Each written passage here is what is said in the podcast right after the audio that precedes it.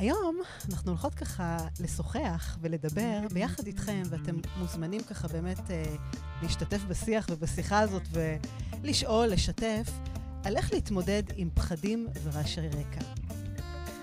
כמה זה תופס אותנו ביום-יום, כמה אנחנו מושפעים בתגובות של הסביבה, בכל מיני סיטואציות כאלה ואחרות מאנשים שמורידים אותנו, כמה אנחנו עוצרים ואנחנו נמנעים מלהגשים חלומות, מטרות, כמה אנחנו מרגישים שמישהו אחר זלה לנו את האנרגיה, ובגללו, בגללה, אנחנו לא מסוגלים לתפ... לתפקד בכלל. מכירה את זה? כן, זה גם אנשים קרובים וגם אנשים שלא ממש קרובים אלינו. אנחנו די מושפעים גם מהקרובים אלינו וגם מכאלה שאנחנו לפעמים אפילו לא מכירים. כן, אני אומרת, זה, זה פוגש אותנו הרבה פעמים גם עכשיו, במיוחד שאנחנו כל כך מרושתים, וברשתות החברתיות, ומישהו אומר משהו, כותב משהו, איך פתאום זה מכניס אותנו ככה לאיזה מוד כזה של אה, שיתוק כזה אפילו, אפשר לומר. אז כן, אז הפחדים באמת מנהלים אותנו, ואז אה, האם יש אנשים, מצבים שמצליחים לסדול לכם את, ה, את המוטיבציה? עד כמה אתם באמת מושפעים? בכל מיני משפטים כאלה, והלוואי שהיינו יודעים מה המשפטים האלה, שרק הכפתור נלחץ ואנחנו מתחילים להילחץ עבורם. Uh, הפחדים, הפחדים האלה, באמת, איך הם מנהלים אותנו. ואני חושבת שבכלל גם, איך אפשר להיות, uh, ליהנות ולאהוב את המחמאות שאנחנו מקבלים, אבל לא להיות ניזון מהם ולהיות תלוי בהם. כן, זה דברים ככה שתופסים אותנו ביום-יום. אז אתם באמת מוזמנים ככה להשתתף בשיחה איתנו, ו- ובוקר טוב יובל, ובוקר טוב לברוך, ובוקר טוב לאמיר, ובוקר טוב למיכל, ובוקר טוב לכל מי שנמצא איתנו כאן. אה, אז מה, פחדים? פחדים. פחדים זה משהו שאנחנו אה, נפגשים בהם כמעט כל יום, זאת אומרת, בכל רגע, בכל אה, דקה. בחלק אנחנו יודעים אה, לזהות מתי הם קופצים ואיך להתמודד. חלק אנחנו אפילו לא יודעים שהם מפעילים אותנו. וכששאלת קודם איך נדע בעצם מה מפעיל אותנו, אם זה מילה או משהו, אני מאמינה שבתוכנית הזאת אנשים יוכלו לזהות, אם הם יעקבו, בעצם מה מקפיץ אותם. כי אצל mm. כל אחד מקפיץ אותנו משהו אחר. נכון. כל אחד יש לו טריגר אחר. משהו מהעבר, משהו מדברים שהוא אחסן בתוך המודע שלו והלא מודע שלו, שמקפיצים ממה אנחנו צריכים להיזהר, ממה לפחד, מה אנחנו לא רוצים להכניס לחיים שלנו, ולא מעט גם רעשי הרקע שאנחנו שומעים מסביבנו, הם כאלה שמפעילים אצלנו גם טריגרים של מה יחשבו, מה יגידו, איך אנחנו נראים, איך אנחנו נתפסים, האם אנחנו שווים או לא שווים. אז בתוכנית הזאת אנחנו ניתן גם המון המון טיפים, טיפים לצופים שלנו, כדי לדעת איך להתמודד עם כל הרעשים האלה והפחדים האלה. את יודעת, אנשים מפחדים, ובצדק. יש כל כך הרבה פחדים. והרבה פעמים הפחד הזה הוא רק מחשבה. הוא יושב לנו בראש. וזה אפילו יותר ממחשבה, כי הפחד הזה גורם לי לחשוב מה אני ארגיש אם אני אעשה או לא אעשה את הדבר הזה. ואז באמת מגיע השיתוק. והמקום הזה שאנחנו צריכים אה, אומץ בשביל לעשות את הצעד הזה. וזה יכול להיות בדברים קטנים וגדולים. אנחנו לא מדברים רק על אה, ג'וקים ועל פחד מטיסות ו- ו- וכולי, וכל מיני דברים שמפחידים אותנו. זה יכול להיות באמת פחדים, אה, פחד במה. זה יכול להיות גם פחד שפתאום אני, אני חייבת לשלוח איזו הודעה, הודעה שאני יודעת שיהיה לה השלכות כאלה ואחרות, והיא תגרום לי להרגיש לא נוח. אה, אולי אשמה קצת, אולי מרמור, אולי לחץ, אולי כעס. אז אנחנו נמנעים מלעשות את הדברים האלה. ואני חושבת שזה מין קושי כזה. והנושא הזה של איך להתמודד עם הקשיים, זה קודם כל, לה, עם פחדים, זה קודם כל להבין שהפחד הזה, הוא גורם לנו להתמודד עם קושי. נכון, אבל אם אנחנו רוצים באמת לזהות את זה, והרבה פעמים אנחנו לא מזהים איך זה קופץ, מתי זה מתחיל, איך אנחנו בכלל עוצרים את זה, אז אני אומרת, יש משהו מאוד פשוט שאנחנו צריכים לדעת. ברגע שקופצת לנו מחשבה, או אנחנו רואים משהו שמפעיל אותנו בעצם, בעצם כל מה שקורה כשמחשבה כזאת קופצת פה בראש, מופיע לנו איזשהו אה, מופע כימי בתוך הגוף. כי כל מחשבה כזאת כוללת איזה משהו שהחסנו, האם אנחנו צריכים להרגיש כך או כך. אנחנו בעצם נותנים לה את הפרשנות בעזרת המופע הכימי הזה שקורה לנו. לדוגמה, אם אני עכשיו נמצאת uh, בכיתה ומישהו נכנס ולא אומר לי שלום, באותו רגע שאני רואה את, את מה שקורה, אני יכולה להעלות המחשבה ולהגיד, אוקיי, הוא נכנס והוא לא אמר לי שלום. מה זה אומר, מי שלא אומר לי שלום? יכול להיות שהוא לא אמר לי שלום כי אולי הוא לא אוהב אותי, כי אולי הוא כועס עליי, כי אולי עצבנתי אותו, ואז באותו רגע אני מתמלאת באיזושהי תחושה כימית של, של בעצם לא אוהבים אותי. נכון. אני לא מספיק טובה, אני לא ראויה. נכון. באותו רגע, אותה מחשבה, אותה עובדה, יכולה גם ליצור משהו אחר בעזרת הפרשנות שלנו. כי בסופו של יום זה איך אנחנו מפרשים ואיך אנחנו רואים.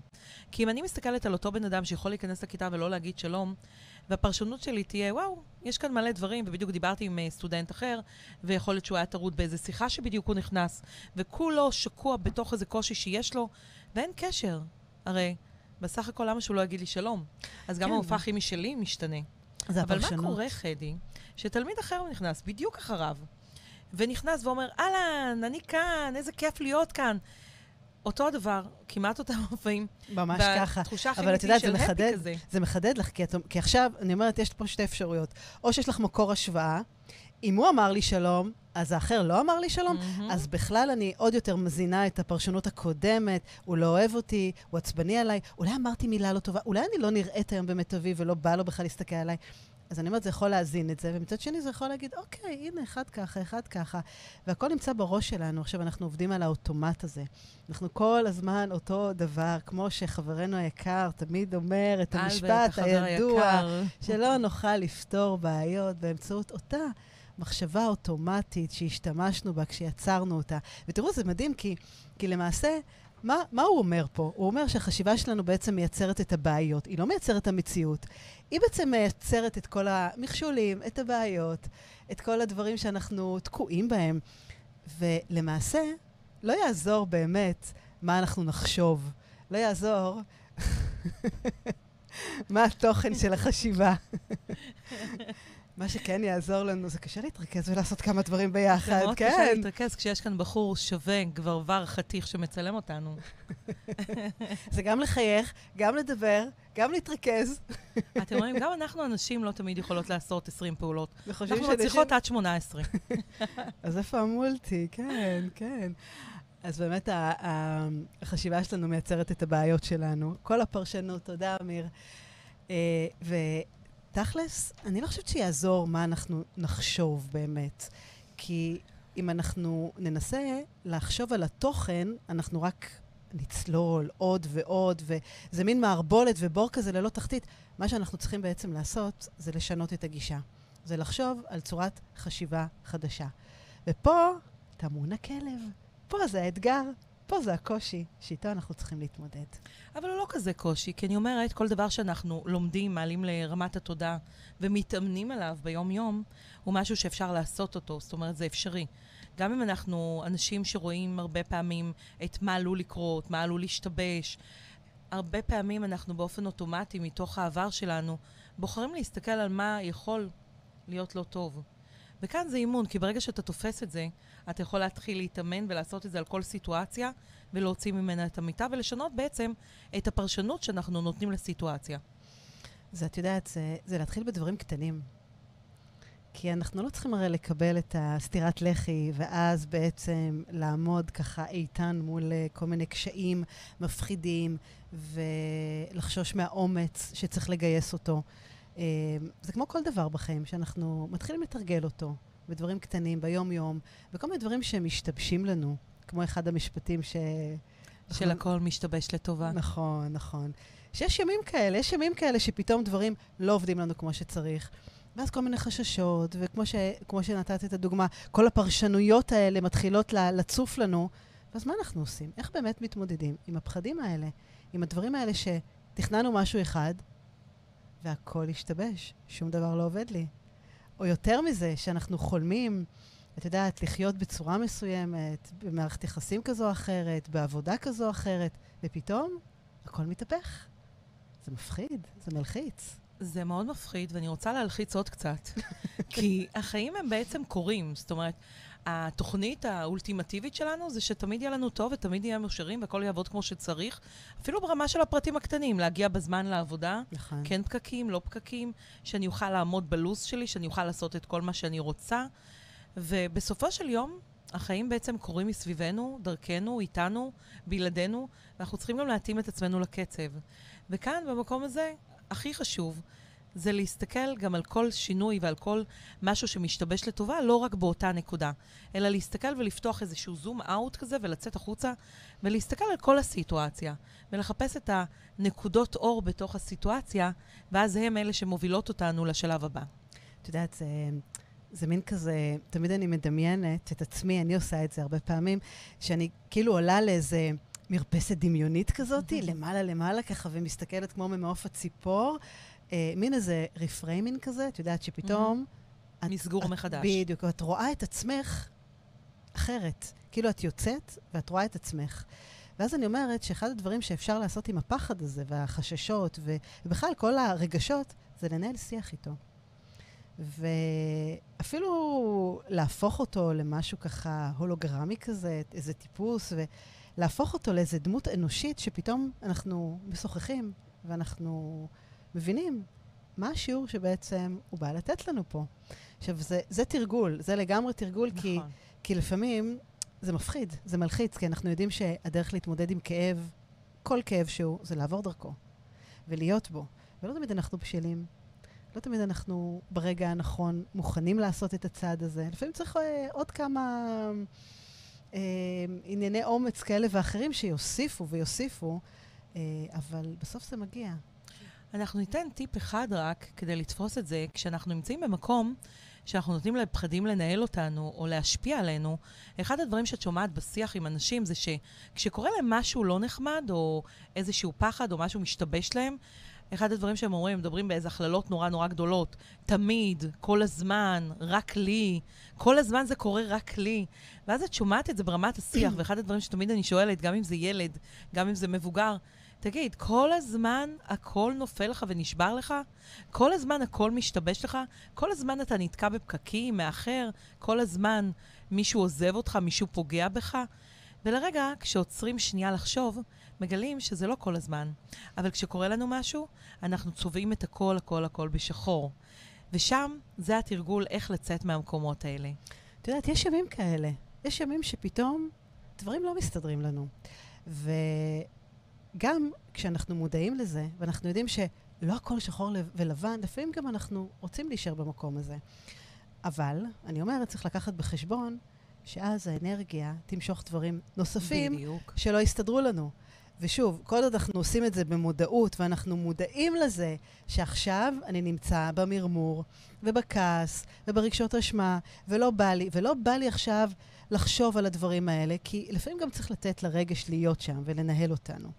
ובמקום במקום ככה ש, שיכול לעזור לנו ו, ולתת לנו באמת, אה, לתת לנו באמת מקום ככה של אה, מרווח נשימה, כזה או אחר. ו...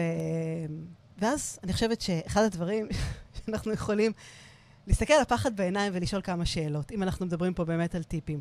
קודם כל לשאול, כמו שבדיוק את אמרת, האם הפחד הזה מנהל אותי כל הזמן? כל הזמן הוא נמצא בחיים שלי? איך את אמרת? כל דבר לא עובד לי? הכל? הכל שחור? האם הפחד הזה נמצא בחיים? האם הוא מנהל אותי כמו שצריך? ואני חושבת ששאלת השאלות זה איך אני ארגיש אם אני אעשה את הצעד שהוא כל כך מפחיד אותי. ופה זה, זה משהו שהרבה פעמים פתאום פותח לנו איזה דלת, היא מלחיצה, אבל היא מביאה אותנו למקום הרבה יותר רגוע ושלב, ואני חושבת שזו ההרגשה הכי נפלאה. נכון. להבין שאנחנו נותנים לו יד ביד ומתקדמים איתו. תמיד אומרים שצריך אומץ לעשות דברים. נכון. להתגבר בעצם על הפחדים שלנו. ולא מעט אנשים טועים וחושבים שכשיש אומץ אין פחד. אבל אומץ הוא בעצם להתגבר על הפחד. תמיד יהיה פחד. גם כשיש פחד, אנחנו צריכים להשתמש ולהתחבר למשאב האומץ, ואז בעצם כל מה שזה נותן לנו זה כן לעשות את הצעד ולהמשיך הלאה. זה לא אומר שמי שאמיץ אין לו פחדים. נכון. זה אומר שיש לו פחדים, הוא מתמודד איתם, והוא מעז לעשות את הצעד קדימה. אז גם כשאתם מסתכלים על אנשים מאוד אמיצים, ואתם אומרים, יואו, איזה אמיץ הוא, גם אני רוצה, זה שצונח, זה שעושה. לכולם יש את הפחד הזה בפנים. נכון. אבל אז הם מחליטים לעשות את הצעד ולקפוץ, או להגיד, או לשלוח, או להתעמת, או להגיד מה הם חושבים ומרגישים. ושם טמון הכוח שלנו. ואני רוצה לגלות לך סוד. תגידי לי לכולם, סוד. לכולם, לכולם, סוד. לכולם יש אומץ. וואו. וכשאני אומרת למישהו, אה, תעשה משהו, או למה אתה לא עושה, אז הוא אומר לי, אין לי אומץ. אז אני אומרת לו, יש מקומות שבהם בחיים כן השתמשת באומץ? שהרגשת שאתה יכול לספר לי חוויה שבה בה היית אמיץ? ואז הוא מספר לי, כן, כשהבן שלי, ועשיתי כך וכך וכך, ואז אני אומרת, אוקיי, אז קיים בך האומץ. כל מה שצריך זה לקחת את המשאב הזה, לפתוח לו את המתג ולהשתמש בו גם פה. נכון, זה בדיוק מה שאת, אה, שדיברנו קודם, שאנחנו שוכחים, שפתאום יש איזה blackout ואנחנו לא זוכרים שום דבר, ואנחנו רק רואים באמת את הדבר השחור הזה ורק את, את הלא. ואם אנחנו נזכרים שפעם כן אנחנו גייסנו את האומץ, הוא קיים, אז פשוט לעשות copy-paste ולהיזכר בו. בדיוק. את מכירה את חוק החמש שניות של אה, מל רובינס? מל רובינס, כן, אוי, מדהים. כן, כן. חמש, ארבע, שלוש, שתיים, אחד, עושים. עושים. ככה. אני זה- חושבת שאולי אפילו נשים קישור אחר כך בתגובות. זה אחד הדברים המדהימים עם מל רובינס, מרצה ב TED, על בעצם איך לקבל החלטות ולעשות אותן נורא נורא מהר. לא לתת לפחדים לנהל אותנו. ואז היא אומרת, כשאנחנו רוצים לעשות משהו, אז בא לנו באותו רגע לעשות אותו. אבל אז פתאום כל הפחדים האלה מתגנבים, ומה יהיה, האלה. ואיך יגידו, ומה זה ירגיש, ומה זה יעשה, ואיך יסתכלו עליי. ואז היא אומרת, ברגע שיש לכם החלטה, אתם עומדים מאח- מאחוריה, זה המקום הכי טהור עוד לפני שהפחדים מתגנבים. תספרו, חמש, ארבע, שלוש, שתיים, אחת, בום, תעשו. ואז, מה בעצם זה עושה? הספירה עצמה, חדי, מנתקת להם את הלופ, והם לא מקפיצים את כל הפחדים נכון, לתוך, ה, נכון. לתוך הלופ הזה.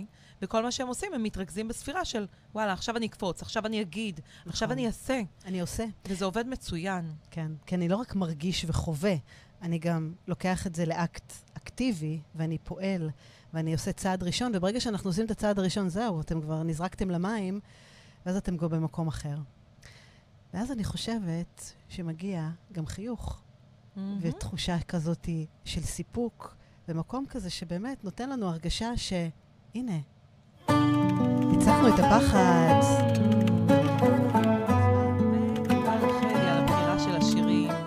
תמיד היא בוחרת את השירים. למי היית רוצה להקדיש את השיר הזה? אוי. אוי, יובל עבר... יובל? לא צריך מה? למהר, אה, אוקיי. הכל יסתדר. אה, כל מי שצופה בנו, באמת, ואני חושבת שזה מה שנותן לנו ככה, מחמם את הלב, מאפשר לנו להתמודד עם אה, קשיים, עם מכשולים, ולתת לנו ככה בוסט של אנרגיה טובה. יובל דיין, מדהימה. אחד השירים המדהימים שהיא כתבה כדי לשמח אנשים בתקופת הקורונה. זוגות צעירים שהתחתנו, אפשר לראות את זה בקליפ. כן, אני רוצה להקדיש את השיר הזה לאיש מאוד מיוחד בחיים שלי. שכל מה שאני מבקשת שהוא רק יחייך ושיהיה לו טוב. שיתגבר על הרעשים, על הפחדים, על כל מה שקורה מסביב. ושתמיד יהיה בשמחה אני ובאהבה. חושבת ש, שחיוך, אם אנחנו מחברים את זה לפחד ולרעשים, ובאמת אה, מה חושבים עליי, איך אני מושפע מתגובות הסביבה, אה, איך אנחנו באמת, עם כל המקום הזה שאנחנו הרבה פעמים למטה, מצליחים לראות את האור. מכירה את זה? שעם כל הטירוף הזה שפתאום אנחנו נמצאים, אני יכולה להגיד שאתמול היה לי כזה יום כזה של מלא מלא דברים שלא הסתדרו. וזה להתאמץ, זה להתאמץ בכוח, לראות כן, בכל זאת, דבר אחד טוב שקרה. לא לדבר רק על ה... לא הסתדר לי, לא עבד לי, אלא דבר אחד שפתאום נותן לך איזה זיק כזה של תקווה, למרות כל התוהו ובוהו שנמצאים בו. אני רוצה לשתף אותך שדווקא בסוף השבוע האחרון היה לי אירוע כזה, שאפשר היה להסתכל עליו מהמון מקומות אחרים. ואני לא יודעת מי ככה עוקב וראה את מה שפרסמתי בפייסבוק, אבל ביום שישי בערב אני נוסעת אה, על כביש מהיר, בשעה ככה שמונה בערב, ותוך כדי נסיעה מתפוצץ לי גלגל ברכב. מתפוצץ לי גלגל ברכב, אני על כביש מהיר, במהירות מאוד מאוד גבוהה. הרכב מאבד קצת שליטה, עושה איזשהו סיבוב ועוצר כזה אה, נגד התנועה. אה, אני מתאפסת לרגע, מבינה שאני צריכה לעצור בצד, לוקחת את הרכב למין אה, ככה זה אי תנועה כזה מצויר על הרצפה, כי יש איזשהו מחלף שנכנס ויש את הכביש המהיר שממנו אני מגיעה. אני עומדת שם ואין שוליים לא בימין ולא בשמאל. ואני לא יכולה לצאת מהרכב, וכל רכב שעובר עושה איזשהו כזה משב רוח שמטלטל לי את כל הרכב. ומזג האוויר סוער, והיה וגשם. גשם, והיה חושך. ואני לרגע אומרת, אוקיי, מי האור שלי כרגע? אז מעבר לזה שהתקשרתי למישהו מאוד חשוב לי, התקשרתי גם למשטרה. התקשרתי למשטרה ותיארתי את מה שקרה לי, ואמרו לי שהם כבר שולחים לי ניידת. והם uh, ממש, תוך עשר דקות, הגיעה ניידת עם שוטר מקסים, עצר מאחוריי, יצא מהאוטו, גשם זלעפות, הבגז שלי מפוצץ בדברים, והבחור החמוד הזה עומד לו בגשם, פותח את הבגז', מעביר לי את כל הדברים על המושב האחורי, והסתכלתי עליו, ופתאום ראיתי אור גדול. וואו. ראיתי אור גדול והוא אמר לי, לא, לא, לא, שאף אחד לא יבוא לכאן, כי אי אפשר לעמוד כאן. אני, אני אחליף לך את הפאנצ'ר.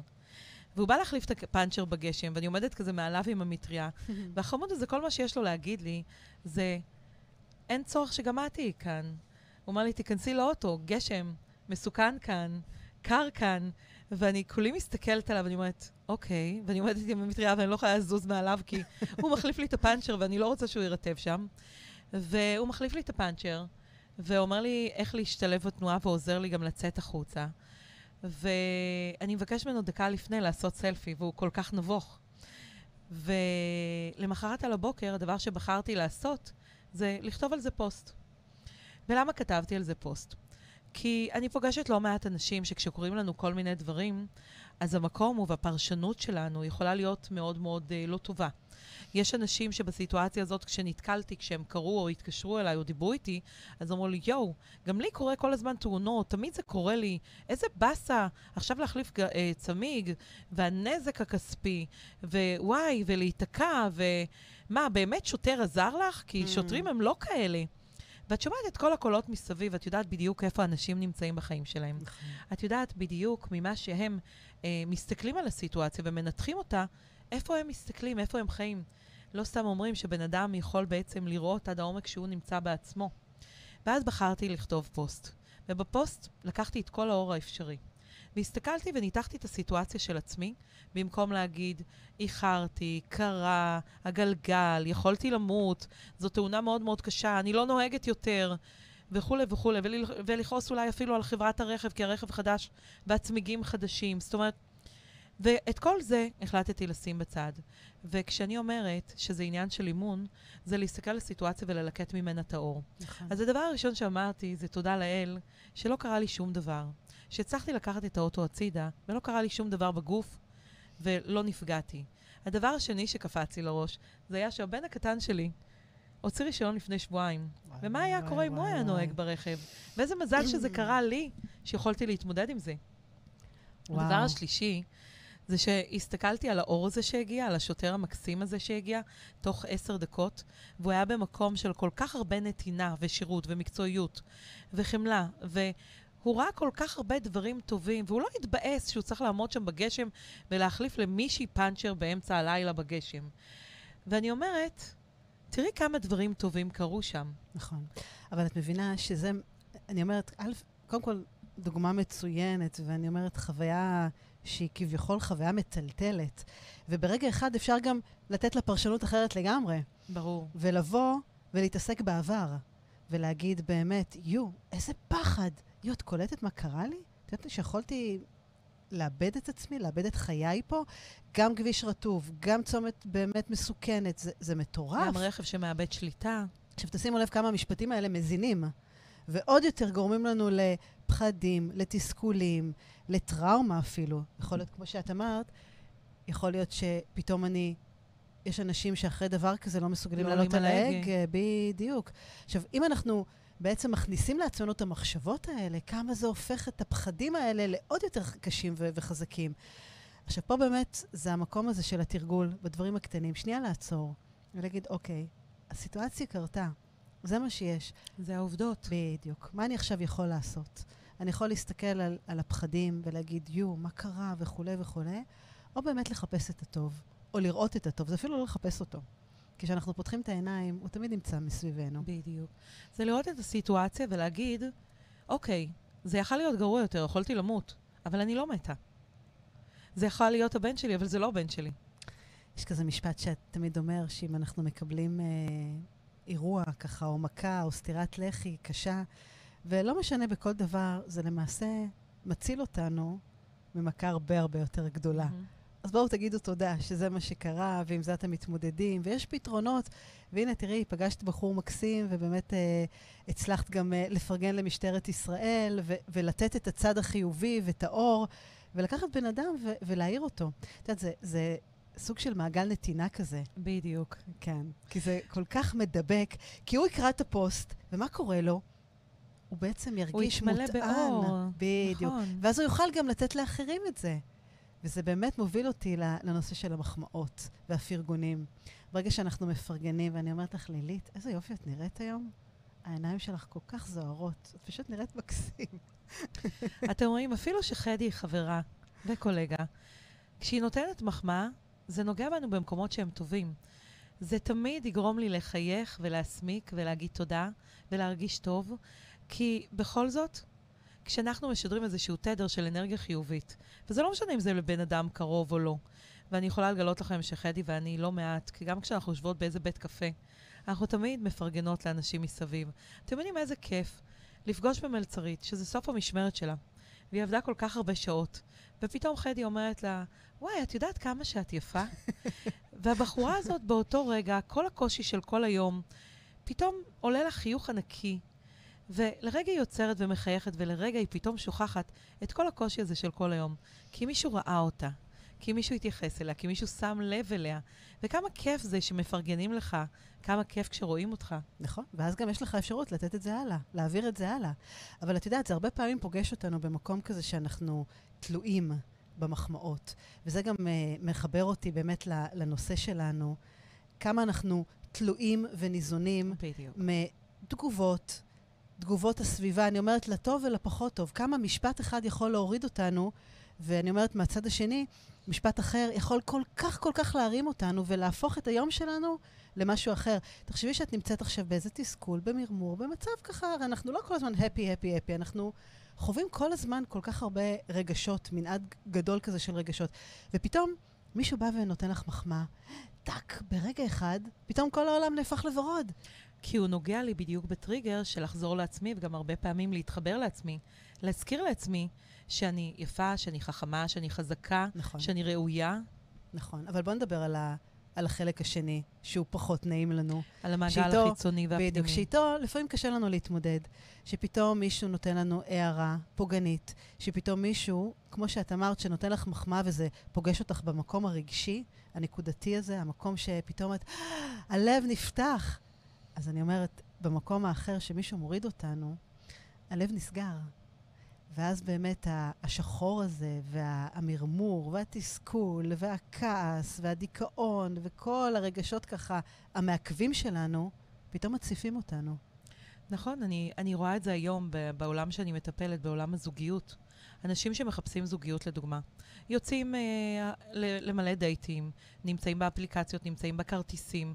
הם יוצאים לדייטים, הם רוצים למצוא אהבה גדולה, הם רוצים למצוא זוגיות.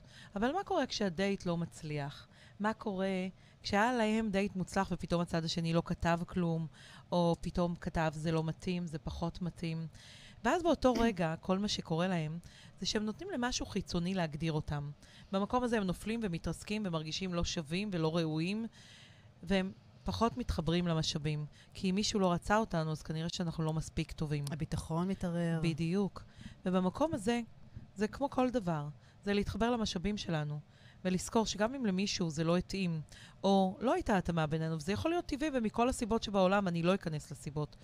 אבל כשמישהו בחר, הוא בוחר עבורו, הוא לא בוחר עבורי. זה לא מגדיר אותי. בדיוק, זה לא מגדיר אותי. ובאותו רגע, שדייט לא הצליח, או אפילו מערכת יחסים של חודש, חודשיים, שלושה, מסתיימת אפילו ב-SMS. זה אומר רק על הבן אדם, על היכולות שלו, על העמידה שלו בכל מיני דברים.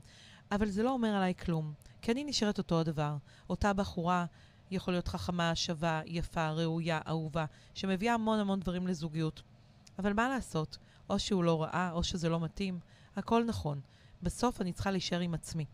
וכשאני יודעת באותה נקודת זמן שמשהו חיצוני פוגע בי, להתחבר למשאבים שלי ולזכור מי אני, זאת החוזקה שמוציאה אותנו מכל מקום. את יודעת, זה כל כך מאתגר. כמה שאנחנו יודעים את הדברים האלה, באותו רגע שמישהו מוריד אותך, אז uh, את פועלת רגשית. בעצם הרגשות פתאום מתחילים לנהל אותנו. והדרך באמת לחזור לשפיות, או למצב ככה קצת, קצת, קצת מאוזן, כי לא באמת יש לנו מצב מאוזן, זה להחזיר את השכל פה, לתפקוד. וכמו שאת אמרת, להבין שזה שלו, להבין שזה לא מגדיר אותי, להבין שזה לא אומר עליי שום דבר. זה לא אומר שאני כזאת או כזאת, שאני לא בסדר, שאני אימא גרועה, שאני עובדת לא חרוצה, אה, שאני חברה לא טובה, שאני בן אדם פוגעני, שאני בן אדם שקרן, או לא משנה מה. זאת אומרת, כל דבר שאנשים אומרים לנו, כן, זה, זה כמו חץ בלב. אבל אני אומרת, זה, זה כל כך מאתגר וכל כך לא פשוט, כי, כי באותו רגע אנחנו יצורים, לא באותו רגע, אנחנו יצורים רגשיים. אנחנו כל הזמן מרגישים. אמ, ואני חושבת שזה אפילו בלתי נמנע להרגיש את הדברים האלה. מה שכן נמנע זה להישאר בזה הרבה זמן. בדיוק. וכאן זה כמה זמן אנחנו נותנים לרגש שלנו בעצם לנהוג במכונה הזאת. חמש כמה דקות? זמן שעה? אנחנו נותנים יום שלם? לרגש... יש כאלה שלוקחים את? זה הרבה יותר. וואו. יש כאלה שבאמת נשארים עם אותו דבר לשנים. נכון. יש כאלה שמצליחים להתגבר בחמש דקות, בעשר דקות, בשעה. נכון. כל אחד מתקרר ומתגבר בקצב שלו. אבל אנחנו צריכים לתרגל את החלופה הזאת, שההיגיון יחזור מהר מהר להגה במקום הרגש.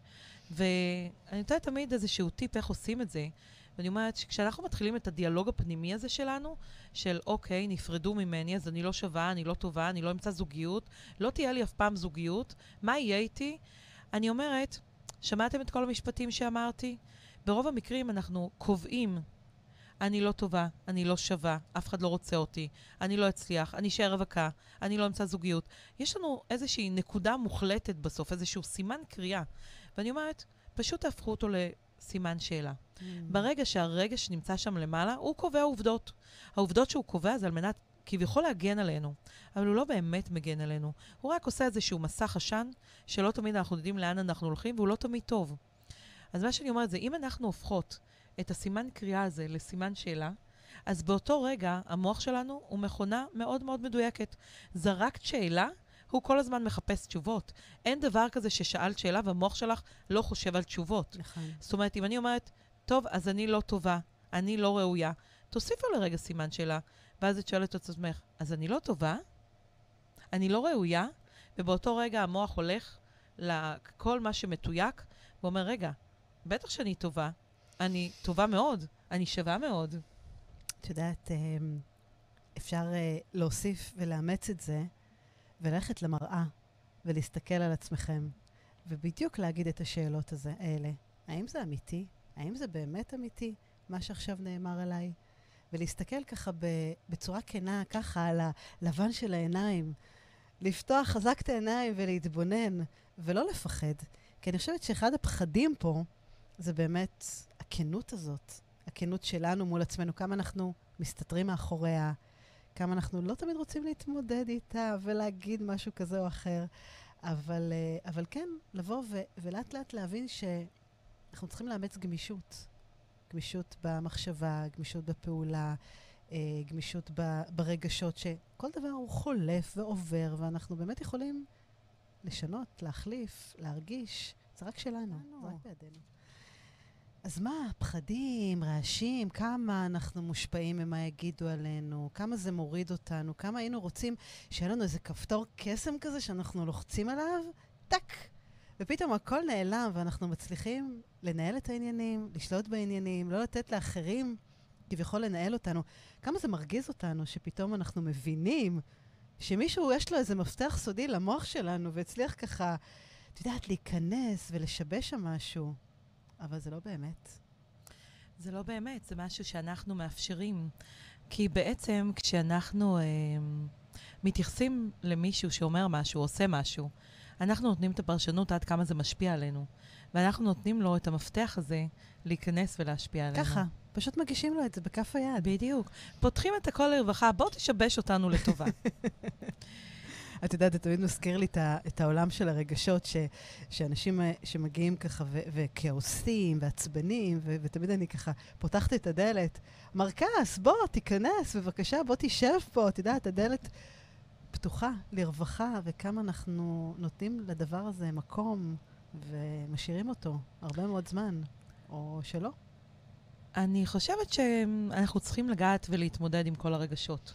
לתת לכולם להיכנס, אבל גם לתת להם איזשהו כרטיס שאומר כמה זמן הם יכולים להישאר יש לך ולהשפיע עלינו. כרטיסייה כזאת שאפשר לנקב? יש, יש, יש, יש. גם כשאני כועסת, וגם כשאני כואבת, וגם כשאני עצובה. זה רגשות אה, שהם לגיטימיים. אני לא מחלקת את הרגשות שלי לטובים, חיוביים, שליליים. אני בעצם אומרת, אנחנו אמורים לגעת בכל מנעד הרגשות. כי בעצם כשאנחנו נוגעים בכל מנעד הרגשות, אנחנו גם מתמודדים עם כאב, עם צער. אנחנו יודעים, כי זה בא לסמן לנו את מה אנחנו רוצים להשאיר בחיים, ואת מה לא. ואם אנחנו נתייחס לזה, שגם כשאנחנו קצת כועסים, וקצת כואבים, וקצת עצובים, להסתכל ולהתבונן בסיטואציה, מה זה בא ללמד אותנו? מה זה בא להעיר? איזה שיעור. איזה דגל הוא ככה מרים לנו להגיד, תתבוננו לרגע, למה את כועסת על זה? למה את עצובה? מה בסיטואציה מעורר אותך בצורה הזאת, או פוגע בך בצורה הזאת? ושם את אמורה לעשות את הבדק בית שלך. מה את משאירה ומה את מוציאה. Mm. וככל שאנחנו נדע לתפוס את הדבר מהר יותר, אנחנו נדע להוציא משהו מהר יותר. אם אני פוגשת מישהו, לדוגמה, שכל פעם שאני פוגשת אותו הוא מוריד אותי, הוא מעליב אותי, הוא יורד עליי, אפילו קולגה בעבודה, שיכול להיות שכל פעם שאני מגיעה ו... אוי, למה לבשת המכנס הזה? מה, מאיפה החולצה הזאת? אה, אני לא הייתי הולך עם דבר כזה. לדוגמה. ואת יכולה להסתכל, וכל הזמן את נפגעת, כי השקעת, וחשוב לך לראות יפה. ואולי גם פעם מישהו לא אהב את איך שאת אוהבת, את השקעת כל כך הרבה כדי להגיע למקום הזה, ופתאום בא מישהו ומוריד אותך, וזה מפעיל לך איזה טריגר של מישהו מהעבר. ובמקום הזה, להתבונן, ולהגיד, רגע, הוא מכעיס אותי, הוא מעצבן אותי, הוא פוגע בי. למה? אוקיי, אז הוא מישהו שאומר, זה שלו, זה הטעם שלו. אני בוחרת לא להשאיר אותו בחיים שלי. אני בוחרת שבפעם הבאה שהוא יגיד לי דבר כזה, אני אחייך לו חיוך גדול, ואני אגיד לו, שיהיה גם לך בוקר טוב ויום נפלא. וואו, את יודעת, זה, זה מדהים, זה כל כך הופך את זה ברגע. זה, זה דרך אגב כפתור הקסם. מהמם. ואת יודעת, יש מחקרים שלמים שאומרים שאנחנו מקבלים ביקורת, בעצם ה, במוח שלנו כאילו מתרחשת איזו תנועה כזאת, שמין איזו תנועה בוגרת ורציונלית של הקפאה. ואנחנו לא מצליחים לחשוב מעבר. כאילו, בעצם כל המקומות אה, במוח שאחראים על הרגשות, שדואגים שלא לא ניפגע, הם בעצם כאילו נכנסים למקום הקדמי, והם נכנסים לפעולה. וזה משבש אותנו. אה, אז אני אומרת, דבר ראשון, זה קורה לכולנו. ש, ברור. שזה משהו שלפעמים, את יודעת, אנחנו אומרים, מה, איך זה יכול להיות שמישהו מנהל אותי? איך זה יכול להיות שהוא אמר לי ביקורת, ואני ככה מתקפל, ואני, כמו שאת אמרת, החולצה שלך לא יפה. אנשים לא תמיד יודעים איך להביע את הדברים. זה לא אומר את מכירה את המשפט הזה שהם... הרבה פעמים אנחנו מאוד מאוד uh, נפגעים, וכל היום שלנו נראה ככה משובש, ואז אנחנו אומרים, יש לי הרגשה כזאתי, שהיום כל מי שהתעורר בבוקר אמר, היום אני הולך לעצבן אותך. כאילו, זה מה שעמד לו בראש. עכשיו, בואו, באמת, עכשיו... אה, זה מה שהוא פירש בראש. ברור, כי... עכשיו זה שלנו, זה אנחנו. וכולנו נופלים בזה, כי באותו רגע כולם מעצבנים אותנו, כולם מרגיזים אותנו, כל האנרגיה השלילית ממשיכה ומתמגנטת אלינו. אה, ולעשות את הסוויץ' הזה, ולהסתכל רגע, ולהתבונן, רגע, אבל מה, מה זה אומר עליי? איפה זה פוגש אותי? מה השיעור שאני מקבל מכל הסיפור הזה? וואו, זה מאתגר. אז זה השלב שניתן עוד כפתור קסם. יאללה. והכפתור קסם, דיברת על ביקורת, דיברת על ההתגוננות הזאת, ואת יודעת, הדבר הכי נפוץ כשאני מטפלת בזוגות, זה תקשורת. Mm. זה תקשורת אחד עם השני. ותמיד אני מציעה להם להסתכל לרגע, כמו שאמרת מקודם, ממעוף הציפור, מנקודה קצת יותר רחוקה. תמיד אני מציעה להם, כשבן הזוג שלי אומר משהו, גם אם זה נשמע לי כביקורת, תרים רגע מסך לבן. אל תיקח את זה לבפנים. כי ברגע שאני מתייחס לדברים כביקורת, מה שקורה לי זה שכרגע אני כופה, מתגונן ורוצה להגיב על הביקורת הזאת. אבל אם לרגע נשים לב שגם בתוך המקום הזוגי הזה, כשבת הזוג שלי באה ואומרת לי, אתה לא מחבק אותי מספיק, אני חושבת שאתה לא אוהב אותי, אתה לא משקיע בי. כל מה שהצד השני באותו רגע, כשלקח את זה לביקורת, מתחיל להתגונן. מה זאת אומרת אני לא אוהב אותך מספיק?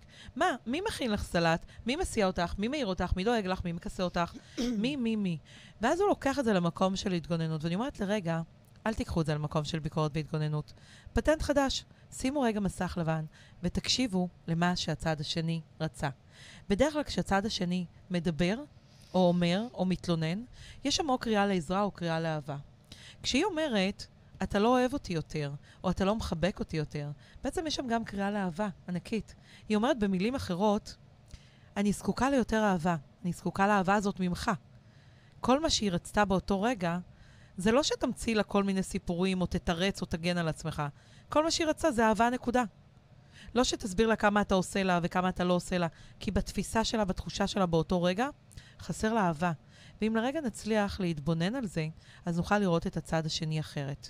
אבל בואי ניקח את זה למצבים יותר רגע, קיצוניים. אבל את יודעת, אבל את יודעת, זה כל כך... אה, אני אומרת, זה, זה לעצור, ובעצם להקשיב למאחורי המילים. נכון, זה ממש כאילו לחדד את היכולת הקשבה שלנו, בדיוק.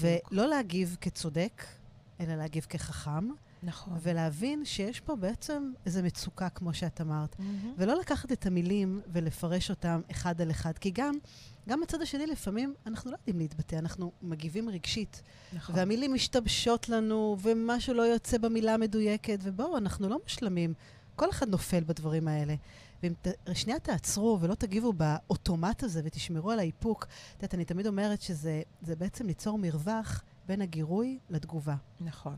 וככל שאנחנו נגדיל את המרווח הזה, אז אנחנו נדע להתבונן, להקשיב, לראות מה, מה באמת הצד השני אומר לי פה. ואני חושבת שזה גם, את יודעת, מחבר אותנו הרבה לרגש של החמלה. כאילו להיכנס לנעלי האחר ולהסתכל מה באמת הוא מרגיש. והכל הכל אפשרי, זה עניין של תרגול. אני אומרת, אם נתחיל בדברים הקטנים, אם זה בילדים שלנו, אם זה בעבודה, אם זה בזוגיות, אם זה בין חברים, בהורים, במשפחה, הדברים האלה לאט לאט יתחדדו עוד ועוד ועוד. נכון, אני מציעה גם במקום הזה, הרבה פעמים, אותו הדבר יכול להיות לא כשהיא אומרת, אתה לא אוהב אותי מספיק, ואז אתה רק צריך לחבק אותה ולהגיד, אני אוהב אותך, אני פה בשבילך. אלא זה יכול להיות גם במצבים קיצוניים, כשמישהו שולח לך הודעה מאוד כעוסה, הודעה מאוד פוגענית. ומה שקופץ לנו באותו רגע, זה ממש להשיב באותו רגע ולכתוב ולהוציא את כל מה שיש לנו. ולפעמים היא אומרת, רגע, תעצרו. רגע, תנשמו. הרבה פעמים כשאנחנו פועלים מהמנגנון התגוננות הזה של ה- ל- בעצם. צדק. לגונן על עצמנו של ביקורת, אנחנו ממקום של צודקים, לא ממקום של חכמים שאנחנו רואים ומקשיבים. הרבה פעמים אני מציעה לאנשים, כשאתה רוצה לשלוח הודעה, גם אם אתה כועס, תשלח אותה קודם לעצמך, או לחבר, תשלח אותה או לחבר לחבר. טוב. ותקרא אותה. תקרא אותה שוב. תקרא אותה אחרי חמש דקות. נכון. תעשה סיבוב ותחזור לקרוא אותה, ואז תחליט אם אתה שולח אותה. אבל once שלחת, אז אני אומרת לצד השני, תתבונן גם מאיפה זה מגיע. כי לפעמים אנחנו יכולים להיקלע למלחמות באמת על שטויות, על רגש שהצד השני חווה. נכון. כמה פעמים קורה כשאנחנו נפרדים, ובתוך הפרידה הזאת צד אחד פגוע יותר וצד אחד פחות. צד אחד לוקח את זה יותר קשה. ואז כל מה שהוא עושה זה לנסות לפגוע בצד השני כמו שהוא נפגע. הוא רוצה להחזיר, הוא רוצה שהצד השני ירגיש כמו שהוא מרגיש. ובמקום הזה הוא עושה דברים לא מתוך מחשבה, אלא מתוך משהו שמנהל אותו, מתוך פחד, מתוך איזה רעשים שאומרים, אם הוא ירגיש כמה אני כואב, אם הוא ייפגע כמוני, אז אולי הוא יוכל להבין אותי. אולי תהיה דרך חזרה, אולי נוכל לעשות משהו אחרת, אבל לא מבינים שכשעושים דברים כאלה, זה עושה בדיוק את ההפך. כדור שלג. בדיוק. את יודעת, זה, זה כל כך מדויק, המקום הזה, שבאמת אנחנו כל כך מתגוננים ומתקיפים בחזרה. ואני חושבת שאחד הכלים המדהימים פה בכלל להתמודד עם כל הכאוס הזה וכל הרגשות האלה שמנהלים אותנו, זה בעצם להקפיא את הסיטואציה. כמו ש... את יודעת, כמו שהיינו ילדים והיה את המשחק הזה של דג מלוח, והיינו עושים פריז כזה, כן. ופתאום עוצרים, אז ממש לא להגיב. כי אם אנחנו מגיבים, אנחנו נגיב רגשית. נגיב כאנשים צודקים. ו, ובאמת, אחד הטיפים שאני יודעת, שאני גם משתמשת בו, זה באמת לכתוב לחברה. וכאילו אני כותבת לצד השני, אם אני רוצה לכתוב, או לכתוב לעצמי. יש הרי, היום אפשר לעשות קבוצות וואטסאפ עם עצמנו, בוואטסאפ, שזה, בוואטסאפ קבוצות עם עצמנו, שזה מאפשר לנו בעצם טיפה לנשום, טיפה לבחון, לעלות למרפסת, להסתכל על זה, להתבונן, להבין קצת את הצד השני, להבין את עצמנו, להבין מה המטרה, מה אני אגיד ומה זה יגרום לעצמי, מה, מה, מה זה יוביל בכלל. הרי אנחנו לא רוצים לריב אחד עם השני. זה באותו רגע אנחנו ככה, את יודעת, מרגישים שמישהו התקיף אותנו, אנחנו רוצים להחזיר. אבל לא באמת אנחנו אנשים כאלה. ואם טיפה רגע ניתן לדברים לשקוע, אז אני חושבת ש... לא חושבת, אני יודעת שזה זה מאוד עוזר לנו טיפה להסתכל על דברים קצת אחרת, ולפעמים גם uh, להצליח ליצור את התקשורת ואת השיח האחר. ואני מוסיפה גם למי שלא כותב, לדוגמה. פשוט להחליט, לקבל החלטה שהמנגנון מענה שלנו הוא שאני לא עונה להודעה הזאת במשך שעה. זאת אומרת שאני יכול ללכת לקרוא אותה שוב עוד שעה, ואז להחליט איך אני מתמודד איתה. נכון. כי בזמן הזה עולים לנו כל מיני תסריטים של אם שלחתי, מה קורה, איך פגעתי, לא פגעתי, מה הוא יגיד, מה אני אגיד, מה נעשה, לא נעשה. ואז בעצם כשאנחנו חוזרים עוד שעה, אנחנו הרבה יותר חכמים. אנחנו יכולים להיות באמת חכמים ולא צודקים, Hmm. ולענות מאוד ענייני על מה שכתב הצד השני. הרי את יודעת, בסופו של דבר, המטרה היא מטרה מאוד הגיונית. אנחנו כולנו רוצים פחות לכעוס ופחות להיות ממורמרים ולהרגיש יותר שלווה ושקט. ואם באמת נשכיל לאמץ את הדברים האלה, לשם אנחנו נגיע. אנחנו פשוט נפחית את העוצמות של כל ההתמודדויות האלה. וגם בכלל עם ביקורת, אנחנו דיברנו הרבה על ביקורת ועל מחמאות, כמה אנחנו ניזונים מזה. יש משפט שאני אימצתי לפני המון המון שנים, שביקורת לוקחים לראש, ומחמאות לוקחים ללב. ואם תחשבו על זה כמה זה מדויק, ואם אנחנו נצליח באמת לקחת את הביקורת הנכונה לראש, ולהבין שיכול להיות שמישהו אומר לנו משהו, רגע, למה הוא מתכוון? זה בדיוק מתחבר באמת להסתכל מה הוא באמת רוצה להגיד לנו. עכשיו, נכון, יש גם כאלה שאומרים דברים מתוך קנאה, ומתוך עצבים, ומתוך מלא מלא דברים, אבל אני אומרת שאנחנו נדע לאתר את האנשים האלה. אני מדברת דווקא על, על הצד השני. אם מישהו אומר לכם ביקורת, שנייה תנשמו עמוק. תחשבו, רגע, האם יש משהו בדבריו? אנחנו, תחשבו כמה אנחנו יכולים ללמוד מהדבר הזה הרבה, במקום ישר להדוף, מה פתאום, איזה חוצפן הוא, מי הוא חושב שהוא, וכולי וכולי וכולי. ומחמאות, תפתחו את הלב, תיקחו אותם באהבה ותעבירו הלאה. אז חדי, אני כן. רוצה להגיד לך משהו. כן. קודם כל, כזה כיף תמיד שאנחנו עושות שידור ביחד. נכון. אני תמיד אוהבת את הזרימה בינינו ואת ההרמוניה, את המחנה המשותף, את הדברים שאנחנו רואות ביחד, גם בנושא העולם הטיפול, וגם בעשייה שלנו, בעשייה חברתית. במקום הזה, שגם את, כמוני, וזה מה שכיף לי, שאנחנו מצליחות לראות את האור בכל סיטואציה. לראות את האור בסיטואציות של מטופלים שלנו, של אנשים שמגיעים אלינו, של חברים, של ילדים, של כל מה שעוטף אותנו מסביב. זה יכול להיות בני זוג, זה יכול להיות הורים, זה יכול להיות אחים, משפחה, הכל. כי בכל מקום אפשר לעצור לרגע ולהיות חכמים ולא צודקים. והגדולה היא שהרבה פעמים כשאנחנו חכמים באותו רגע, אז אנחנו כל כך נהנים מזה אחר כך, כי אנחנו מבינים שלא עשינו מפולת, שלא הדלקנו שרפות, שלא הבערנו יערות, אלא הדבקנו גם את הסביבה שלנו לראות את הדברים באופן שונה. כן. אז קודם כל אני רוצה להגיד לך תודה שאת בחיים שלי, וזה הכי חשוב. החיים שלנו. כדי באמת איפשהו לשחרר את הפחדים, לשחרר את הדברים שחוסמים אותנו, מגבילים אותנו, את כל הקולות מסביב שאומרים לנו, אתם כן, אתם לא, אתם טובים, אתם ראויים, אתם אהובים. ובתוך כל המקום הזה, את יודעת, זה תמיד מזכיר לי איזושהי שיחה שעשינו פעם על איזושהי מטופלת, אני אזכיר לך. דיברנו על הגשר. Mm, דיברנו כן. על איך עולים על הגשר הזה. מה זה בעצם הגשר? גשר הוא איזשהו מעבר סימבולי, שבעצם כדי לבוא מנקודה אחת לנקודה שנייה, ובעצם להתגבר על הפחד ולקבל אומץ, אנחנו צריכים קודם כל כנות. נכון. רגע, אז בצד אחד יש לנו את הפחד, ובצד השני, זה הולך, הצד האחד זה שאנחנו הפחד, אנחנו מגיעים עם פחד, ואנחנו צריכים להתחבר לעוד משאבים שלנו, שהם כנות ואומץ. ורק כשאנחנו בכנות ובאומץ, אנחנו יכולים לעבור על הגשר הזה ולהתחבר לאני החדש שלנו. כן. לאני שלא מפחד, לאני שמעז, לאני שבוחר בעצמו. וכשאני אומרת את זה, כולנו מגיעים, ואני בכוונה עושה כאן הכללה, כי אין מישהו מאיתנו שאין לו פחדים ואין לו קולות. נכון. אין מישהו מאיתנו שלא מתרגש, גם אם הוא מרצה כל הזמן אה, מול 200-300 אנשים, שכל פעם שהוא יעלה על הבמה הוא יתרגש, הוא יחשוש, הוא אה, יפחד שמשהו ישתבש, שמשהו יקרה, שמישהו לא יאהב אותו, שהוא יעבור פחות טוב. ובתוך כל המקום הזה, יש לנו כל כך הרבה פחדים שמנהלים אותנו. פחד לפעמים לשנות מקום עבודה, פחד להתגרש, פחד לצאת לדייטים, פחד להגיד את מה שאנחנו חושבים, פחד לעשות את מה שאנחנו אוהבים, פחד לקום ולבחור או לא לבחור. והדבר הזה בדרך כלל תוקע אותנו. כמה זוגות שאני פוגשת לאחרונה, או בכלל במהלך החיים, שפתאום באים ומתגרשים אחרי 20, 30 שנה, 40 שנה, וכל מה שאני שומעת מהם זה, וואי, אני לא מבין איך לא עשיתי את זה לפני 20 שנה, לפני 30 שנה. ואני מסתכלת עליהם, וכשאני שואלת, אז הדברים שעולים שם הם פחדים. הם חוסר כנות עם עצמם. הם לרגע לא עצרו להגיד במקום הזה, פחות טוב לי, פחות מתאים לי. כל הרעשים האלה מסביב של מה יגידו ההורים, מה תגיד הסביבה, איך זה ייראה, איך אני אתאפס, איך אני אסתדר. כל כך הרבה דברים קופצים שם, מה יהיה איתי, מה יהיה עם הילדים, איך אני אפרנס את עצמי.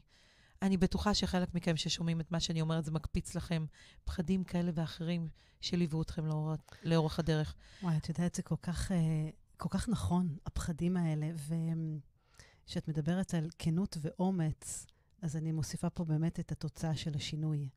וכשאנחנו מעיזים להסתכל לכנות בעיניים, בדיוק. ולהגיד אותה בקול רם, להגיד, איפה אני עומד היום? מה טוב לי? מה לא טוב לי? מה מגביל אותי? מה תוקע אותי? מה מעכב אותי? מה מפחיד אותי? לדבר את זה בקול רם. תמיד תמיד עדיף לעשות את זה מול עוד בן אדם ניטרלי כזה או אחר, כי ברגע שאנחנו בעצם צועקים את זה לעולם ואומרים את זה, אז זהו, זה כבר שם. אי אפשר כבר לחזור אחורה. אי אפשר לעבוד על עצמך שיש פה משהו שאנחנו מדחיקים ומכחישים, מה שאנחנו אלופים בלעשות את הדברים האלה, כי זה מפחיד. אלופים בלספר לעצמנו סיפורים. כי תראי, זה מפחיד לצאת לעשות שינויים כאלה ואחרים, לצאת מאזור שמוכר לנו, החוסר ודאות. את דיברת על הגשר, אני לא יודעת מה, מה קורה שם בצד השני. בדיוק. אבל את יודעת, אחד הדברים שבאמת, אם נדמיין, ששם יש מילה קסומה שקוראים לה חופש. חופש פנימה, נפשי. חופש שלנו. חופש במקום כזה ש, ששם בעצם הפחד הופך להיות חלק מאיתנו. אנחנו פשוט לוקחים את היד יד ביד וצועדים אותו, איתו, יחד עם האומץ, יחד עם הכנות, יחד עם עוד חברים ככה שמתווספים לנו בדרך. Uh, וזה מדהים, כי אני חושבת שהמתנה פה היא מתנה מאוד מיוחדת. כי זה לקבל הרבה פעמים את החיים שלך בחזרה. ופתאום, איך השיר היה? לרצות להיות שמח, אבל זה לא רק לרצות, זה להיות מוכן. להיות. פנוי. בדיוק. נכון, ובמקום הזה, כשאנחנו מדברות על כנות, אז כנות זה בעצם המדרגה הראשונה, כי ברגע שאני עוצרת לרגע ומפסיקה עם הסיפורים שאני מספרת לעצמי, שזה טוב, ושבחוץ לא משהו, ולא נורא, וכן נורא, ופתאום אני עוצרת ואני אומרת בכנות שטוב לי או לא טוב לי. פתאום אני מסתכלת על העובדות, ולא על הסיפור שאני מספרת לעצמי, כדי לצבוע את הכל בוורוד. ולרגע פתאום אני רואה שהחיים שלי לא באמת מאושרים. לפעמים אני רואה שאני די בודדה אפילו כשאני נשואה. לפעמים אני יכולה לראות שבעצם אני צובעת את הכל בוורוד, בנצנצים, רק כדי לא לראות שיש שם מישהו שיכול להיות שאולי לא רואה אותי, אולי מזלזל, אולי פוגע. יכול להיות מישהו שלא נוכח בבית, כי כל היום הוא נוכח בעבודה שלו. יכול להיות כל כך הרבה דברים שלא מתאימים לי, כי אם הייתי בוחרת זוגיות, זו לא זוגיות שהייתי בוחרת לעצמי. וברגע שאני עונה בכנות, ואני יכולה לדבר על זוג שהיה אצלי, בחורה יושבת אצלי והיא ביקשה טיפול זוגי. וכשאני מסתכלת עליה ואני אומרת לה, בואי תגידי לי באמת איך נראית מערכת היחסים שלך. אחרי שהיא סיפרה לי שהכל ורוד ויפה, וכמה הוא מפנק אותה וקונה לה ועושה לה, ומפרנס אותה, והיא לא צריכה לדאוג יום בחייה, פתאום היא יצרה, הביטה לעצמה ככה, לבפנים של הבפנים, ואמרה, אבל הוא מכה אותי כל הזמן. ובאותו רגע, היא פתאום הבינה מה היא אמרה, מה היא הוציאה החוצה, כמו שאמרת. היא פתאום הבינה שעד עכשיו היא צבעה את זה עם כל המתנות, עם כל החיזור, עם כל הפרנסה, ולרגע היא הבינה שהיא צובעת את זה, ולרגע היא הבינה שלא טוב לה. והיא הסתכלה בכנות, כן, בדיוק, על וואו. החיים. היא הוציאה את זה החוצה, היא כבר לא הסתירה יותר. ובאותו רגע היא הייתה בכזאת כנות, שהיא יכלה להסתכל באומץ על החיים שלה, האומץ על מה פשוט היא הגיע, רוצה ולא זהו. רוצה, בדיוק. האומץ היה שם, דרך אגב, זה כמו שאמרנו קודם, האומץ תמיד קיים. הכנות פותחת דלת. בדיוק, אבל האומץ נכנס. שם זה המקום שהוא מתחבר לכנות, ובאמת, הם אוספים את הפחד וצועדים להם ביחד, ביד. יד ביד. כל החבורה עולה על הגשר. ולכל אלה שלפעמים חוששים, ואומרים, אוקיי, אז בסדר, יש גשר, אבל אני לא יודע מה יש בצד השני. לאן אני אגיע? מה יקרה? גם אם אני עכשיו בוחרת להתגרש, לעזוב את העבודה, להתפטר, מה יש בצד השני? אז הצד השני זה מה שאנחנו נבחר להכניס לחיים. שלנו. מה אנחנו נתכנן. גם אם זה עבודה, אז אנחנו נתכנן איפה ומה, ובאיזה מרחק, ואיך אנחנו רוצים להשתכר, ואיך אנחנו רוצים שיתייחסו אלינו. ואיך אנחנו רוצים שיעריכו אותנו. אותו דבר גם בזוגיות. קודם כל, לנקות את מה שלא. לא להיאחז במה שכן, כי זה אזור הנוחות, כי אנחנו מכירים, כי אנחנו מפחדים. אלא, אני זוכרת שאחד הדברים שאמרתי כשהתגרשתי, זה אם לבד, אז לבד. כי הרגשתי מאוד בודדה בנישואים בתוך שלי. המערכת יחסים. ואמרתי, זה לא משנה לי מה יהיה בצד השני. לא אכפת אם אני אכיר מישהו, לא אכיר מישהו, כן תהיה זוגיות, לא תהיה זוגיות. הייתי קודם כל נאמנה לעצמי. וואו, זה, זה כל כך, אה, אני אומרת, אה, כל כך חשוב ומשמעותי. את יודעת, זה, זה בעצם, כל מה שאת אומרת, זה מה שאחרים חושבים עלינו, זה מה שאנחנו קודם כל חושבים על עצמנו. זה מתחיל בנו. זאת אומרת, אם אתם תחשבו שאתם בדרך נכונה, וכל הפחדים האלה פתאום, הם יהיו, הם עדיין יהיו קיימים, אבל הם יתגמדו. הם פתאום יאפשרו לכם להבין שאתם uh, מסוגלים, מסוגלים, uh, מסוגלים להתמודד איתם, מסוגלים להתנהל איתם, לחיות איתם. את יודעת, יש, uh, יש איזה סיפור על, uh, על אישה אחת שקיבלה, שהייתה חסרת ביטחון, וככה כל פעם הלכה לעבודה, והייתה ממורמרת, ואף אחד לא הסתכל עליה, ואף אחד לא הזמין אותה לארוחת צהריים, ואף אחד לא באמת שם עליה. ויום אחד היא קיבלה כובע, כובע מאוד מאוד יפה מדודה שלה. ובערב ככה הסתכלה על הכובע ומדדה, וככה הרגישה כל כך טוב עם עצמה, הלכה לישון. בבוקר היא קמה, הלכה לעבודה, ופתאום היא הרגישה כזאת, כזאת, כל כך עם ביטחון. פתאום כולם הסתכלו עליה. פתאום השומר בכניסה פתח לה את הדלת, אמר לה בוקר טוב. פתאום אה, היה לה ביטחון להצביע במהלך הפגישה ולהעביר איזה מצגת ולשבת בארוחת צהריים עם אנשים. הרגישה שהיא מלכת העולם, וכל כך טוב היה לה. פתאום הביטחון עבד וחזר אליה. ואז היא חזרה הביתה, פתחה את הדלת, עמדה מול המראה כדי להוריד את הכובע, ואז מה היא רואה? שאין לה בכלל כובע על הראש, שהכובע היה מונח ליד המראה. וכל היום היא הייתה בטוחה שהכובע על ראשה. ותראי איזה מדהים כמה, כמה היא שידרה ביטחון בזכות אותו כובע, וכמה מה שאחרים חושבים עלינו זה מה שאנחנו משדרים. וכשאנחנו נהיה נאמנים לעצמנו, בכנות הנכונה, במקום האמיתי, בלי פילטרים ובלי מסכות, אלא באמת להוריד את הדברים ש... עד עכשיו תיתנו מתחת לשולחן, כמו שנתת את הדוגמה הזאת, גם הדברים הפחות נחמדים, גם הדברים היותר נחמדים. אבל זה הניקיון, וזה המקום גם שב... שאני חושבת ששם יכולה גם להגיע הסליחה העצמית. המקום הזה שבאמת אנחנו מבינים שגם אם עשינו טעויות בעבר, אנחנו בני אדם. וכל דבר שקרה, הוא מקדם אותנו למשהו. הוא נותן לנו שיעור. הוא שיעור. כן. ודיברת על הכובע, ודיברת קודם על... לפעמים יש לנו יום כזה. וכשאני חושבת על מה שאת אומרת, אז uh, אני לדוגמה בוחרת בימים שלי להתחיל כל בוקר ולפתוח את העיניים ולהגיד, איזה יום מדהים הולך להיות לי היום. נכון. איזה יום מדהים היום. כי אז אני בעצם משדרת למוח שלי שהולך להיות יום מדהים. וכשאני משדרת לו שהולך להיות יום מדהים, את יודעת מה הוא עושה? הוא מחפש את כל הדברים המדהימים, כי הוא צריך להד... נכון. להצדיק את זה שאמרתי שיהיה יום מדהים. נכון. ולפעמים כשאנחנו לא אומרים את זה בבוקר, וקורה איזה משהו שמשתבש בבוקר, האוטו לא הניע, פקק, משהו קרה, רבתי עם הילד, עם הבעל, עם ה... לא יודעת מה. ואז אנחנו אומרות, אוי, איזה יום גרוע הולך להיות לנו. ובאותו יום אנחנו יוצאות החוצה, וכל מה שאנחנו מחפשות זה להצדיק את האמירה שלנו. נכון. איך היום הזה גרוע? אוי, הוא חתך אותי יום גרוע. ההוא לא הציע לי קפה יום גרוע. איחרתי לפגישה יום גרוע. אבל אנחנו שוכחות להסתכל על האור. אז קחו לכם טיפ נוסף, זה להתחיל כל יום בזה שאתם יודעים שהולך להיות לכם יום מדהים, יום נפלא. וברגע שזה מה שאתם תאמרו לעצמכם, באופן אפילו לא מודע, כל מה שהמוח שלכם מחפש את האור ואת הדברים הטובים שקורים. מספיק שמישהו נתן לכם לעקוף אותו בדרך, פתאום כבר תשכחו שאתם בפקק. פתאום אתם תסתכלו על הדברים החיוביים, וואי, אני בפקק, אבל מישהו נתן לי להיכנס לפניו.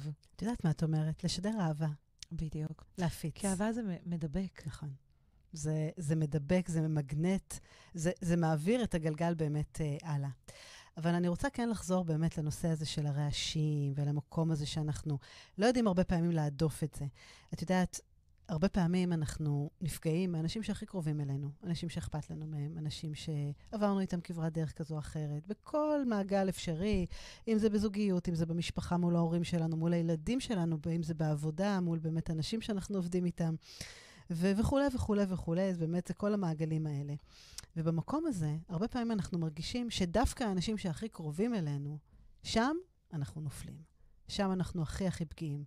שם בעצם אנחנו כביכול נותנים את המקום הזה, כמו שדיברנו, שפותחים את הדלת.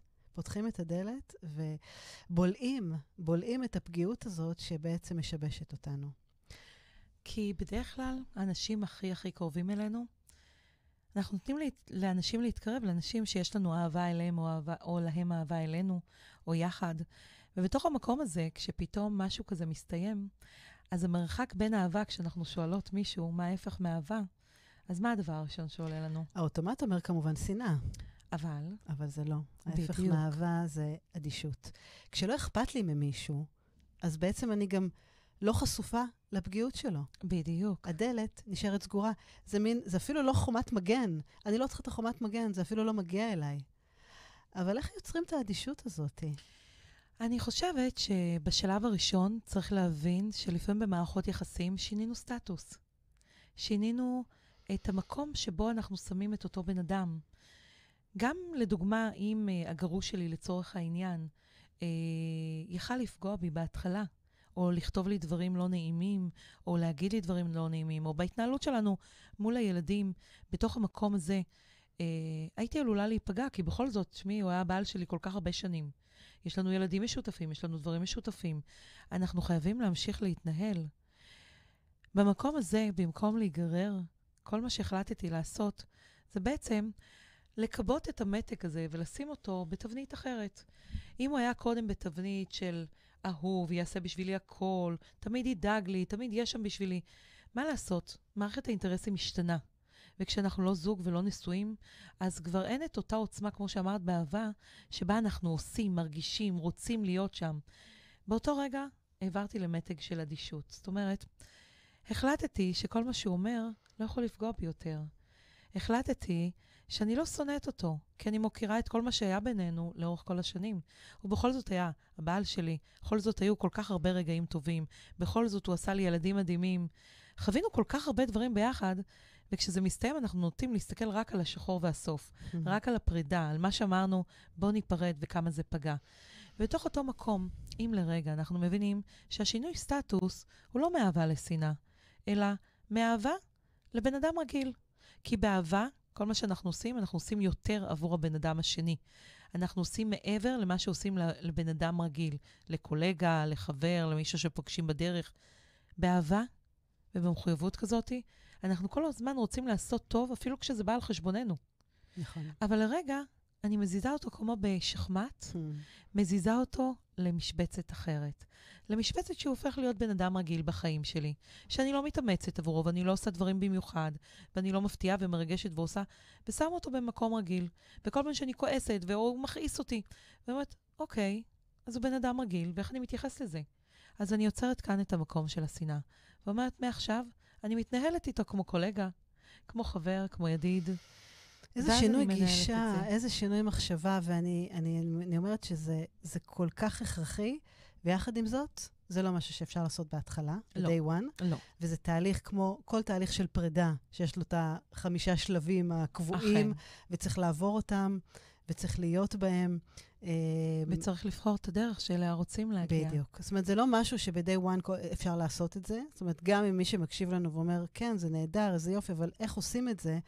אז בואו נבין שזה תהליך. בואו נבין שיש פה זה- בשלות זה רגשית תהליך. מאוד מאוד גדולה.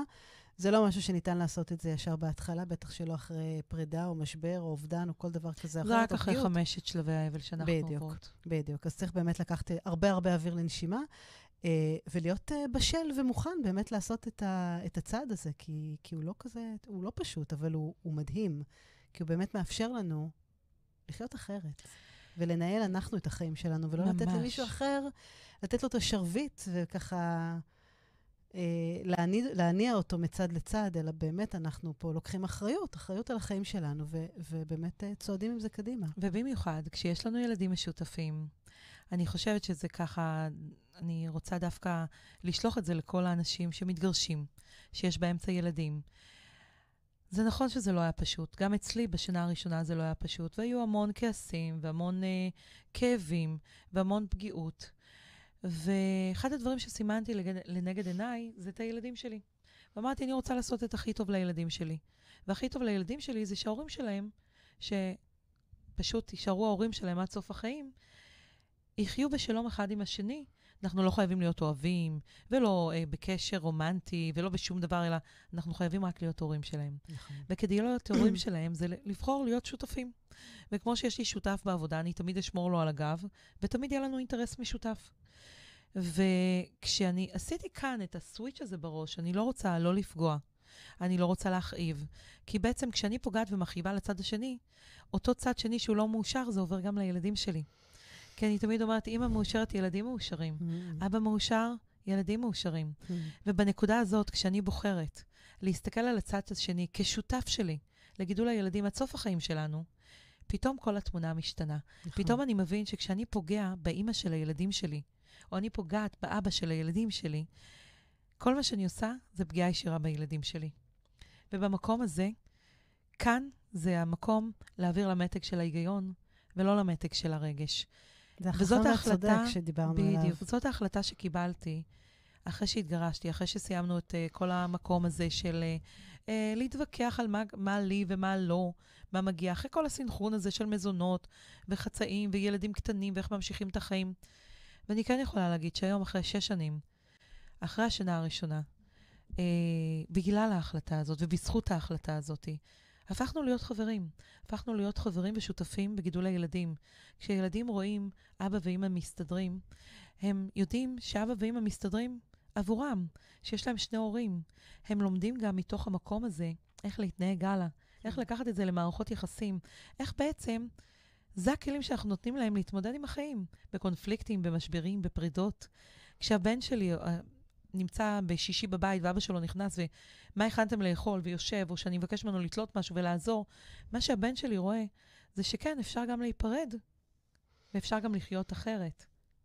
ואני חושבת שאחד הטיפים שאני נותנת, שגם כשקשה לנו וגם כשאנחנו בתוך כל הכאוס הזה, תסתכלו גם על מערכת האינטרסים, באמת, הכי קטנה, שזה להסתכל על טובת הילדים. נכון. לא, לא להיקלע באמת למקומות הרגשיים האלה. הרגשיים, הצודקים, הפגועים. נכון. את יודעת, הרבה פעמים, כשאנחנו, את יודעת מה זה מזכיר לי? הרבה פעמים כשאנחנו פגועים מאנשים קרובים, אז גם בשיח ובתקשורת, המילים, השפת גוף, הטון, כמה אנחנו צועקים, כמה אנחנו מרימים את הקול.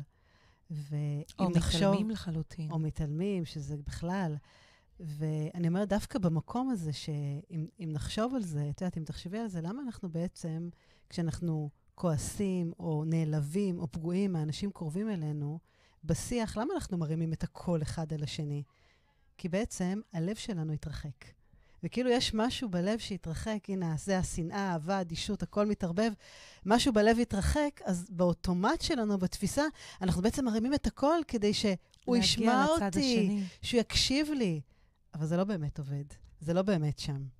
והמקום הזה שבאמת, אה, תשימי לב, במקום ההפוך, כשאנשים אוהבים אחד את השני, גם בשיח וגם בתקשורת שלהם, הם מדברים שקט, הם מדברים רגוע. מכיל. גם אם הוא נמצא אחד פה ואחד שם, זה לא באמת משנה, כי הם שומעים אותנו, הם מקשיבים לנו.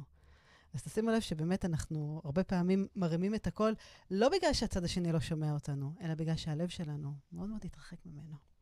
נכון. אנחנו ככה מתקרבים uh, לסיום, ככה איך של... טסו אה, להם שעתיים? כן. את יודעת, אני ככה לוקחת ואני אומרת כמה חשוב לחדד את המתג, את, את, את הכפתור הזה של הסוויץ' הזה, שברגע שאנחנו מודעים אליו ואנחנו מבחינים בו, אז, אה, אז קודם כל להבין שהוא קיים. והיכולת שלנו באמת להחליף את הסוויץ' הזה, אה, הוא מדהים. הוא באמת... אה, בסופו של יום, זה הכל תלוי בנו. כי רק אנחנו נותנים את הפרשנות למה שקורה לנו, לכל משהו שעולה, לכל משהו שקורה. וכשאנחנו מרגישים שמשהו מכעיס אותנו, או מתחיל כזה לחמם אותנו ולהעלות אותנו, זה המקום לרגע, לרגע, לרגע, להסתכל ולשאול מה חכם. להסתכל מה מואר בתוך אותה סיטואציה. והתרגול שאני תמיד עושה, בכל דבר שקורה לי, זה קרה לי משהו. מה החיובי שאני יכולה לראות? מה האור שיש בסיטואציה? במיוחד שזה דברים uh, פחות נעימים. כי כל דבר באמת הוא נותן לנו איזה פרספקטיבה, או איזה שיעור, או איזה משהו. Um, היה פעם איזה משפט מאוד יפה של צ'רצ'יל, שהוא דיבר על, uh, על דאגות, והוא אמר ש, שבעצם, כשהוא מסתכל אחורה על החיים שלו, על כל הדאגות, הוא נזכר באיזה איש ככה שהיה על ערש דווי, ואמר שהיו לו הרבה הרבה צרות בחיים, אבל בעצם רובן לא קרו בכלל בעולם. ואני אומרת, זו הסתכלות כזאת של פרופורציה, פרופורציה, ואני אומרת, אם אנחנו ככה מסכמות את השעה, אז באמת, אם אנחנו מסתכלים על האנשים שאתם חושבים שחושבים עליכם דברים מסוימים, או שבאו והתעוררו בבוקר ואמרו, היום אני הולך להגיד לו ככה ולפגוע בו, זה לא באמת. זה בעצם מה שאנחנו משדרים. זו הבחירה שלנו להסתכל על האור, על האהבה, על הנתינה. אמ, ואין לאף אחד מפתח סודי למוח שלנו. זה לא עובד ככה. זה רק שלנו. זה רק שלנו, זה נכון. אנחנו מחליטים באמת איך להרגיש בכל סיטואציה. נכון. וזהו, וככה זה באמת uh, מביא אותנו להיות שלמים עם עצמנו. Mm, איך חיברתי את זה לשיר סיום, ראית מה זה? מדהים. אז לפני שאנחנו ככה סוגרות, וככה שעתיים, באמת, אה, וואו, איזה מהר עבר, איזה שיח, איזה תמיד כיף. הזמן טס איתך. כן, אני אומרת, כל כך הרבה תובנות ואסימונים כאלה שנופלים ו- וכולי. אה, במקום הזה שככה נותן לנו פתאום התבוננות אחרת, אה, אופטימיות. מקום של אה, הערה כזאת שתמיד יכול להיות טוב, ותמיד טוב. זו הבחירה שלנו, אם נראית הטוב, אז יהיה טוב. וזה לא קלישאה, זה באמת וצר- עובד. וצריך במקום הזה, כדי לראות את הטוב, בהתחלה, בהתחלה, זה קודם כל לאהוב את עצמנו. כי ברגע שאנחנו אוהבים את עצמנו, אנחנו יכולים לראות- לאהוב את מה שיש בחוץ. נכון. כי כשאני אוהבת את עצמי, אני יכולה לראות אנשים באור שונה, בצורה שונה. ואני תמיד מסיימת גם את השידורים שלי, שכל המרבה בא- באהבה הרי זה משובח. ואהבה זה משהו שככל שאנחנו נוציא יותר, ניגע בה יותר, נעניק אותה יותר, ככה זה מדבק את כל מי שסביבנו. וזה מדהים, וזה לא, אה, זה לא מוגבל. יש בשפע. אין הגבלה, יש בשפע. אז תשתמשו בזה. היקום מלא באהבה. והעיקר שנהיה באמת אוהבים ושלמים אחד עם השני, ועם עצמנו בעיקר. נכון. לילי, תודה רבה. תודה, חדי, איזה כיף. לגמרי.